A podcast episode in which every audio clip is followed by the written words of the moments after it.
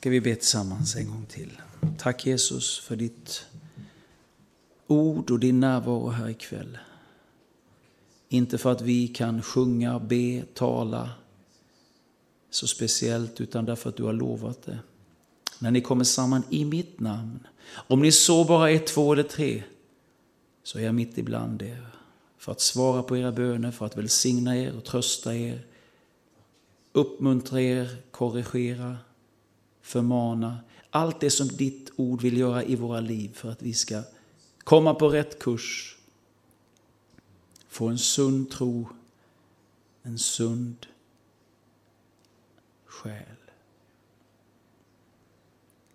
Tack för att du känner oss var och en så väl. Inte ens våra föräldrar eller våra barn eller vår respektive eller partner vet så mycket om oss som du vet. Du vet till och med mer om oss än vad vi själva vet.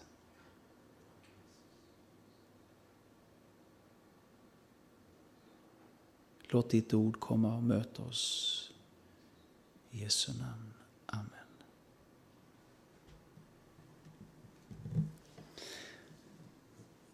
År 2017, i detta nådens år. Att möta någons blick är inte lika lätt som det var förr. Står du vid en busshållplats så sitter nästan alla och tittar ner i sina mobiltelefoner numera. Eller i sina datorer.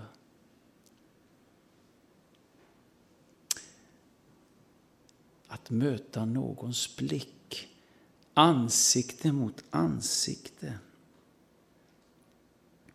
Nej, vi smsar, snapchattar, vi lägger ut på Facebook och Instagram, vi twittrar. När man förr talade med varandra ansikte mot ansikte, eller åtminstone på telefon så man hörde den andres röst. Men nu skickar vi iväg meddelanden. Och vi har de här små smileysarna så folk vet om vi är på gott humör. Eller om man ska läsa in någonting mellan raderna som vi inte skriver. Därför har vi de här glad gubbe, besviken, arg. Tummen upp. Ni vet alla de där små smileysarna som vi skickar. Sen bloggar vi och mejlar och svarar i olika forum på nätet. Och ibland så svaras det anonymt med brutal, som man själv tycker, ärlighet. Men egentligen är man ute efter att såra, fördöma, fördumma. Och man behöver inte ta ansvar för det man vräker ur sig på internet via bloggar och annat. För man behöver ju aldrig se den andres ansikte. Sorgen, besvikelsen, bitterheten, rädslan, ångesten, sorgen. När slutade man börja ta ansvar för det man skrev eller sa i ord? När blev det så? När vi slutade se varandra in i ögonen.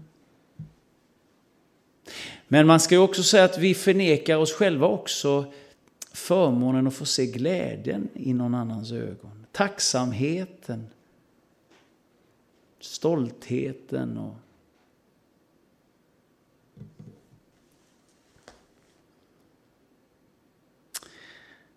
Jag var med om några upplevelser här förleden. Att se någon in i ansiktet som kom mot mig när jag sjöng på en begravning och sa Känner du igen mig?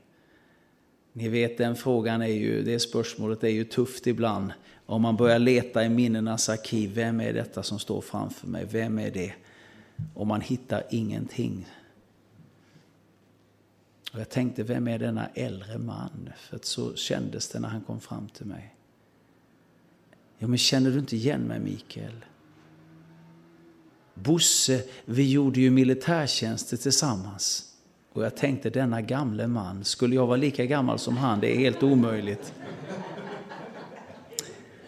så kan det vara att möta någon ansikte mot ansikte som du inte har sett på nästan 30 år. Det är 30 år sedan jag gjorde militärtjänsten och detta skedde nu i år. Och bara för lite sen så körde jag över några amerikanska gäster till Kastrup. Och eh, så backade jag ut utan att riktigt titta mig för och där kom en människa gående precis bakom och jag höll på att köra över dem. Men vet du vad?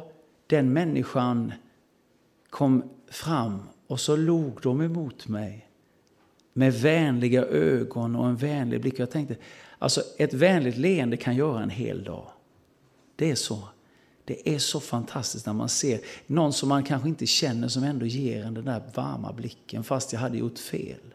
Och jag tänkte, vad underbart det är att möta ansikte mot ansikte, en vänlig blick, ett vänligt ord.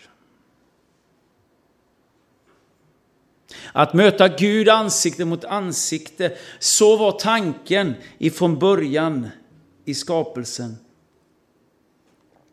Adam och Eva mötte Gud ansikte mot ansikte. De hade all frihet. De hade fått friheten att välja också. Att göra som Gud sa eller inte. Det enda de inte skulle göra det var att äta av kunskapens träd på gott och ont. Och så blev de lurade av den onde. Och det första som händer när Gud kommer gående det är att de springer och gömmer sig för hans ansikte. Instinktivt visste de att nu är det lika med att dö. Att se in i Guds ansikte.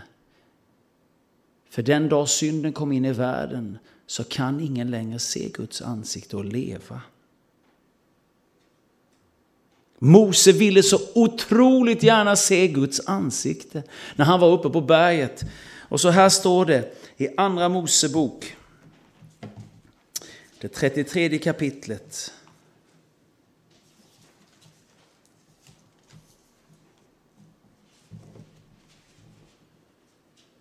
Artonde versen.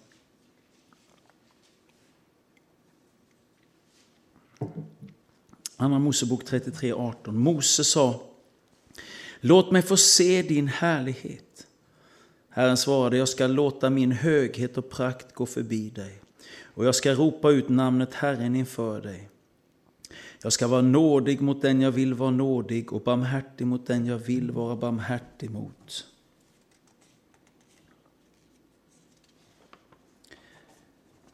Mitt ansikte kan du inte få se, Ty ingen människa kan se mig och leva. Sedan sa Herren, här bredvid mig finns en plats, ställ dig här på klippan. När min härlighet går förbi ska jag ställa dig i en klyfta i berget och skyla dig med min hand tills jag har gått förbi. Då ska jag ta bort min hand och du ska se mig på ryggen. Men mitt ansikte får ingen se.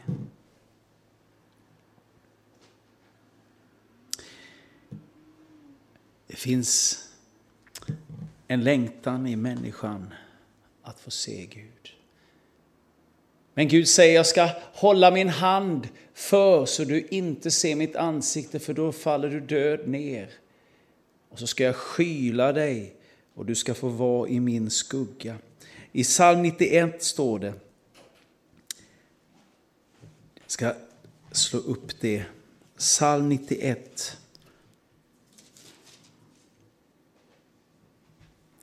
Den som bor i den Högstes skydd och vilar i den Väldiges skugga.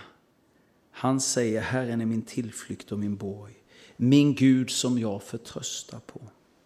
En fantastisk psalm och vers. Vi vill ju inte stå i någon människas skugga. Jag pratade med en evangelist som var medhjälpare till en av världsevangelisterna. Skulle jag säga hans namn så skulle ni alla veta vem det var.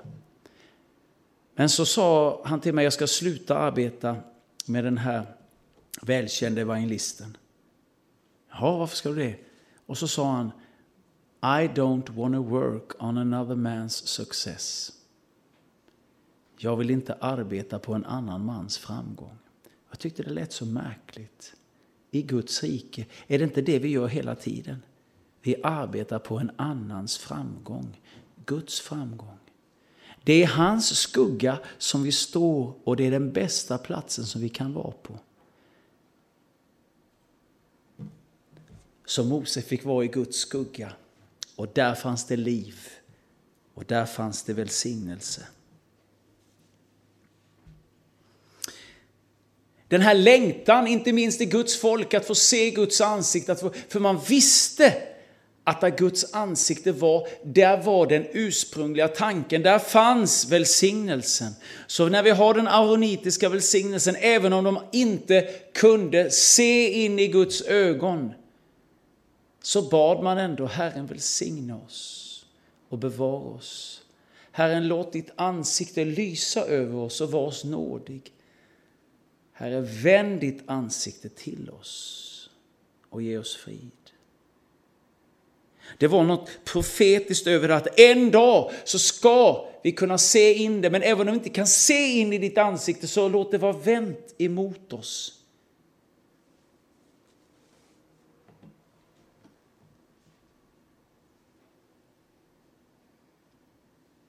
Så här står det i Johannes evangelium 1 och 18.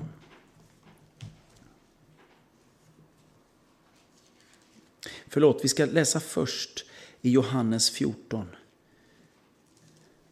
Nu är vi i Jesu avskedstal. De kapitlerna 14, 15, 16, 17, det är Jesu avskedstal.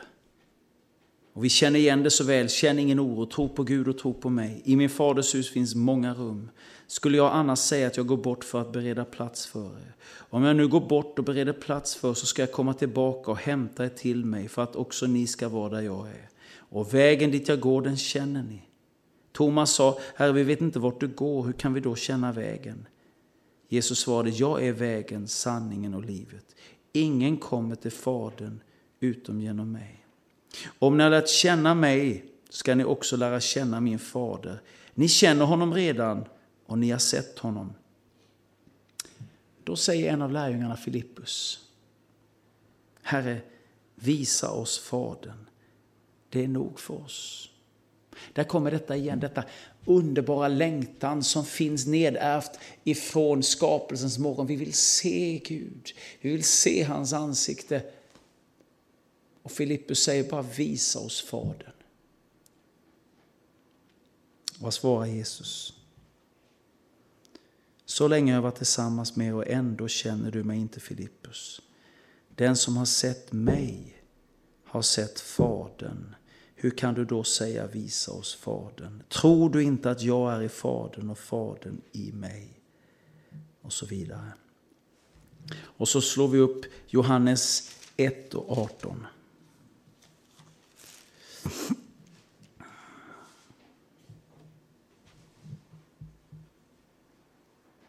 Ingen har någonsin sett Gud. Johannes 1 och 18. Ingen har någonsin sett Gud. Den enda sonen, själv Gud och alltid nära Fadern. Han har förklarat honom för oss.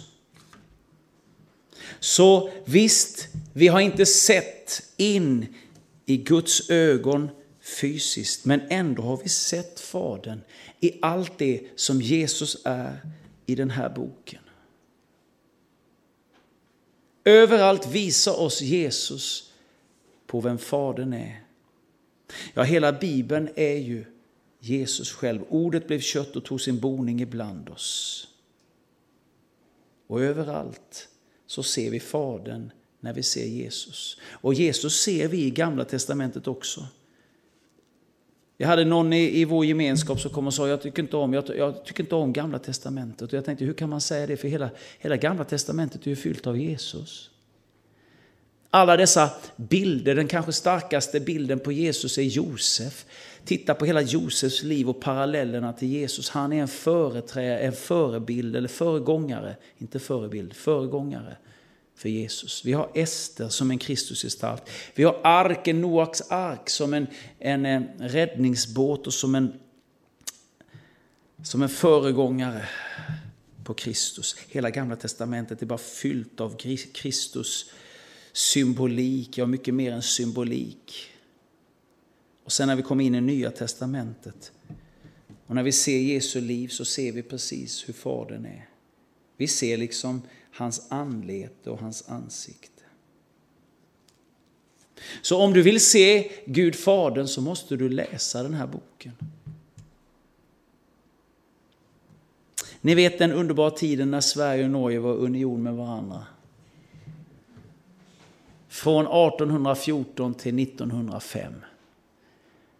Då hade vi en kung mot slutet, unionskungen Oscar II, som skrev en årskrönika över unionens tillstånd. Och 1880 1880-talet så skrev han Läsandet i unionen har ökat dramatiskt och 75 procent av litteraturen är av andlig art. Vi läste ordet, vi läste skriften. Och vi såg Kristus, vi såg Gud. I ordet uppenbara oss, uppenbara sig för oss Guds gestalt.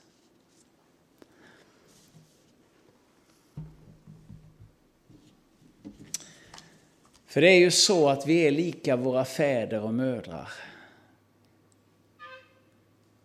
Så är det även om bil, bilden haltar. Jag ser ju likheter mellan mig och min far. Mer och mer för varje år som går. Ibland är det nästan kusligt när man ser vissa rörelser och vissa saker som min pappa gör, som jag nu har tagit efter.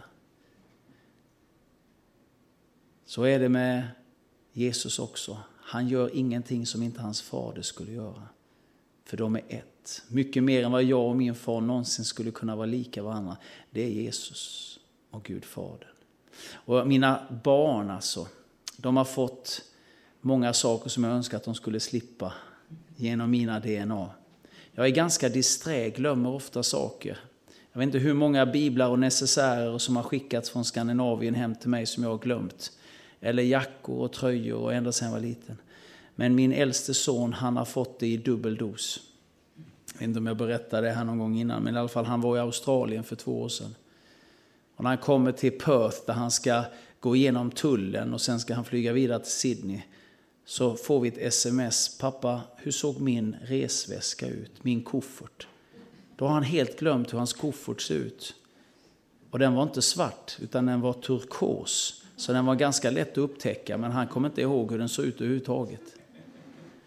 Det där påminner mig om mig själv. Och jag tänker, ja, han har verkligen fått mina gener. Vi är lika våra fäder, precis som Kristus är lik Fadern. Men de är inte bara lika varandra, utan de är ett.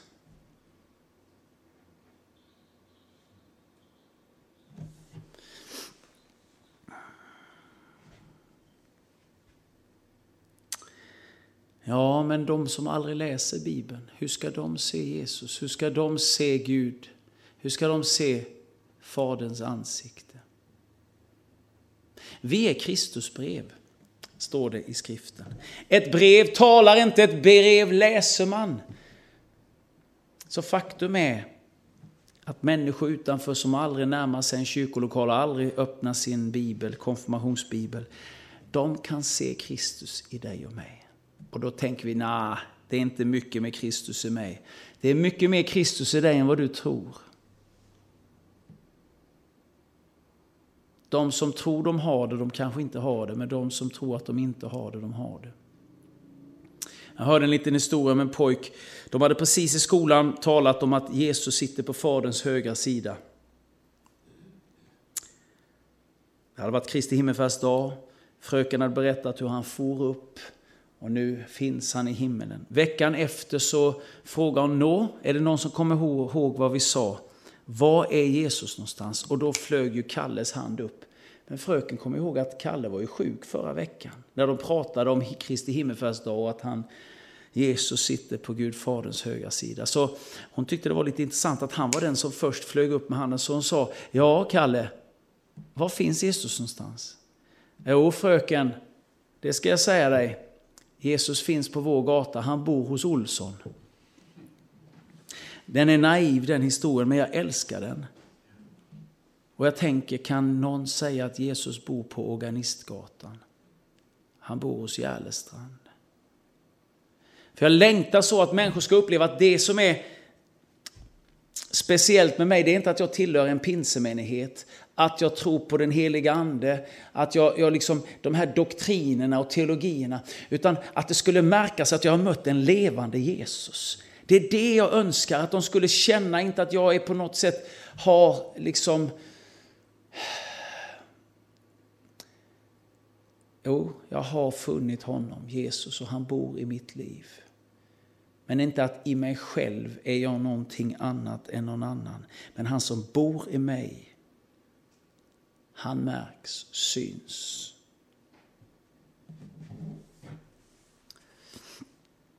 Och jag tror att det är så människor kan uppleva och se Guds ansikte, att de tittar på dig och mig. Och det får inte få oss att vara panik eller känna oj, nu måste jag agera, måste vara riktigt kristlig och inte göra så och inte säga så. Och så. Utan vi ska istället bara be Gud, fyll mitt liv med dig. Jesus, fyll mitt liv med din ande. Så tror jag det kommer naturligt. Ju mer vi umgås med Jesus, ju mer märks det. Och en dag ska vi möta honom ansikte mot ansikte vid den stora domen. Vi ska alla dömas. Nej, men vi som frälsta, vi ska inte dömas. Jo, vi ska också göra räkenskap. Alla ska göra räkenskap. Skillnaden är bara att det blir ingen fällande dom, står det i Romarbrevet 8 och 1. Det blir ingen fällande dom. Men, och tack och lov för att domaren inte är jag själv, för vi är väldigt hårda mot oss själva. Och tack och lov för att det inte är mina ovänner som ska döma mig, inte mina vänner.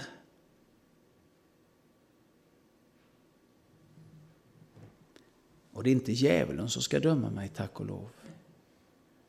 Det är inte ens Gud Fadern som ska döma mig.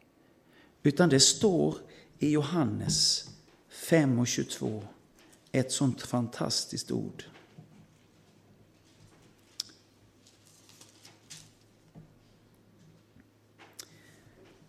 Johannes 5 och 22. Och Fadern dömer ingen utan har överlåtit domen till sonen. Är det inte helt otroligt?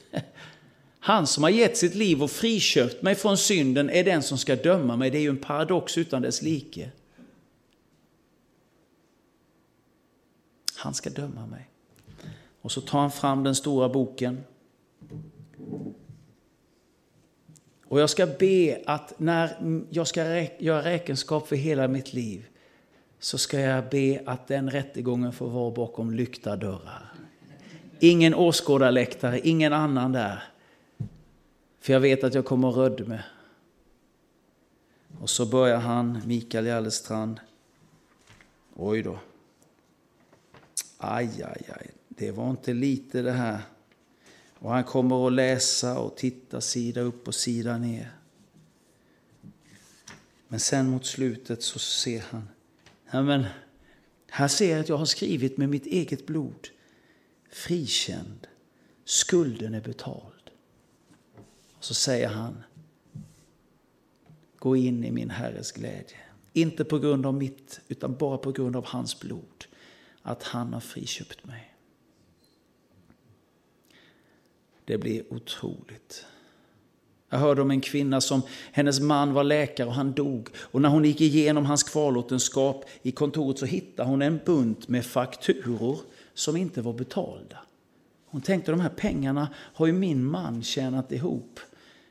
Så hon, eh, hon gick till en eh, advokat och sa att kan du hjälpa mig att få in de här pengarna? Han tittar igenom det där och så är det din man som har skrivit över alla de här fakturorna? Ja, det är min mans handstil. Ja, men han har ju skrivit efterskänkt på varenda faktura.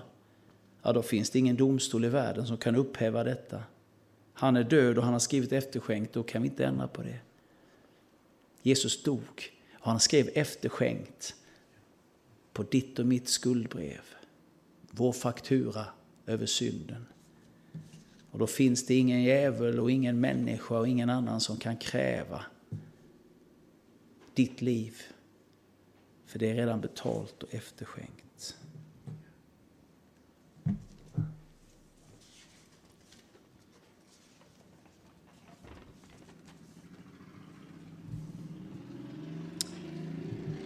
Vad var det Jesus sa? Den som har sett sonen har sett fadern. Hur ser vi sonen i ordet? Hur ser människorna sonen i dig och mig? Amen. Tack Jesus för ditt ord. Att det är levande. Vi känner det när vi läser det här Bibeln, bibelorden. Det blir liv i oss. Det är någonting som händer i oss. Vi kan läsa det om och om igen och vi ser nya saker ständigt. Därför ordet blev kött och tog sin boning ibland oss. Herre, tack för att vi har fått se ditt ansikte Jesus Kristus. En dag ska vi få se det med våra fysiska ögon i den nya kroppen som vi ska få när vi kommer hem till dig. I Jesu namn. Amen. Jag ska sjunga två sånger till slut och sedan ska vi be tillsammans. Den här sången heter har, ja. har du mött en man från Galileen? Har du sett hans blick, Jesu blick, av kärlek fylld? Aldrig blir du densamme mer.